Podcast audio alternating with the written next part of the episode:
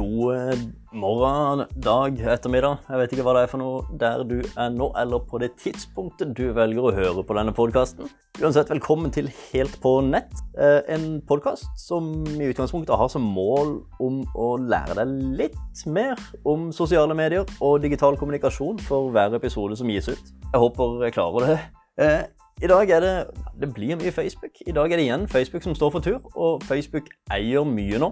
Det jeg hadde tenkt oss å gå igjennom i dag, er fire av appene som har ganske stor betydning for vår hverdag, og da spesielt for bedriftenes hverdag. Og da har jeg tenkt oss å gå gjennom Facebook som vi kjenner, det er den vanlige appen. Instagram, Messenger og WhatsApp. Og litt eh, sånn som jeg har forstått ambisjonene til Facebook når det gjelder hver enkelt av disse appene. For å gå rett på, så kan jeg begynne med Facebook. Den feeden vil jo nå, som veldig mange kjenner til, bli annerledes. Den går over til å bli gruppebasert og eventbasert. Det vil si at den feeden du ser i dag, den forsida når du går inn på facebook.com, den inneholder ganske mye, både fra venner og fra sider og en del diverse.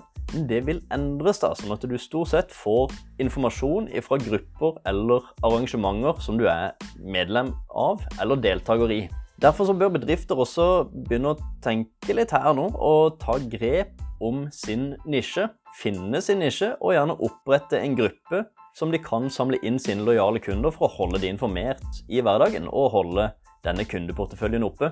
Igjen, I tillegg da, så bør man også være flink til å holde publikum og alt dette informert inne i arrangementer som man skal ha. Fremover så vil jeg jo da anta at eh, pages, altså sider, må betale i større grad for å få synlighet, pga. at det er grupper som vil ha den høyeste prioriteten organisk. Så den organiske rekkevidden vi får, vil jo være hovedsakelig fra grupper eller arrangementer. Med andre ord så vil sider, bedriftssider, mer sannsynlig betale mer for oss å nå ut. En uh, et godt eksempel på å finne sin nisje, da. altså community, det var jo Løplabbet som var, det ble presentert nå på Social Media Days i år, i februar. Altså, De hadde jo virkelig tatt det til et nytt nivå. Da var de jo ikke på Facebook engang. De hadde valgt å gå for Strava for å finne, finne sin målgruppe. Utrolig lite, men veldig relevant community der.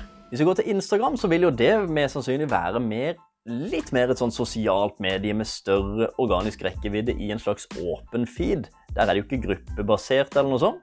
I tillegg der så kan du òg nå snart de sier at de skal åpne for at IGTV kan vises i horisontal eh, format. Liggende format, altså. Det vil jo også gjøre de ganske mye sterkere på video. Så nå bør nok bedrifter også begynne å tenke på content-videoer også på, på Instagram. Kommer vi til Messenger, så er det en meldingsapp som vi bruker til veldig mye. Også bedrifter bruker Messenger veldig mye.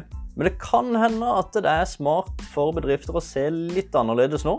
For Facebook sin ambisjon for Messenger er at det skal være en meldingsapp for familie og venner. For de aller, aller nærmeste, altså. Og ikke nødvendigvis for bedrifter. De vil jo ha fokus på stories i Messenger. De vil også kunne vise minner som du har fra de nærmeste familie og venner. I tillegg så åpner de nå for krypterte meldinger i også Messenger, noe de ikke hadde tidligere. Facebook stiller også litt strengere krav for chatbots i Facebook Messenger, og da er det chatbots som gjerne bedrifter da lager.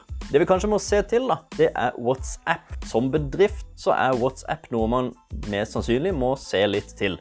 For Facebook sin ambisjon for WhatsApp er at det skal bli en slags bedriftskommunikasjonsmeldingsapp. da. Og ser vi på verdensbasis, så har vel WhatsApp det er vel den mest populære meldingsappen i verden. De har 1,5 milliarder brukere, tror jeg, i, i verden, mens Messenger ligger uh, like bak, da, med 1,3. Det rare er jo her i Norge, for her i Norge bruker vi Messenger mest, og er faktisk ikke like store forbrukere av WhatsApp. Men på verdensbasis så er WhatsApp den gigantiske meldingstjenesten. Det som er at Facebook ser på WhatsApp som en slags sånn bedriftmeldingstjeneste. Du har noe som heter WhatsApp for business.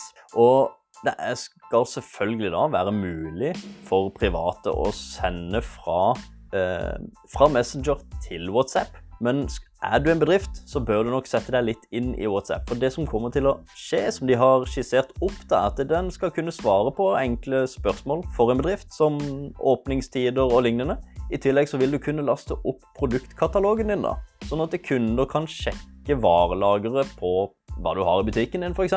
gjennom WhatsApp med å sende en melding til den. Så nevnte jeg vel litt så vidt også at uh, du kan selvfølgelig sende meldinger på tvers av, ikke bare Messenger og WhatsApp, som at du på, som privatperson skal kunne sende melding til WhatsApp for å sjekke varelageret. Det ser ut som at det skal skje. Men du skal også kunne sende meldinger på tvers av Instagram, Messenger og WhatsApp. Altså Så disse tre skal du kunne sende meldinger på tvers av. Det var kort om Facebook sin største apper, og litt om hva slags ambisjoner de har fremover. Så blir det spennende å se, da. Jeg håper du vil ta kontakt med meg hvis du har noen tips eller tilbakemeldinger på denne podkasten, noen tema. Hvis det er noe du føler jeg har glemt, hvis det er noe du ønsker at jeg skal snakke litt mer om, gå inn på christianthomassen.no. Der kan du finne ja, alle mulige sosiale medier du kan nå meg på. Eh, husk også å abonnere på denne podkasten hvis ikke du gjør det fra før og du føler at denne her gir deg noe verdi. Og så må du gjerne også tipse noen venner eller noen kjente som eh, også trenger å lære litt mer om sosiale medier for eh, hver episode som kommer ut. Det var det jeg hadde for i dag. Så håper jeg vi høres igjen neste uke. Ha det veldig bra.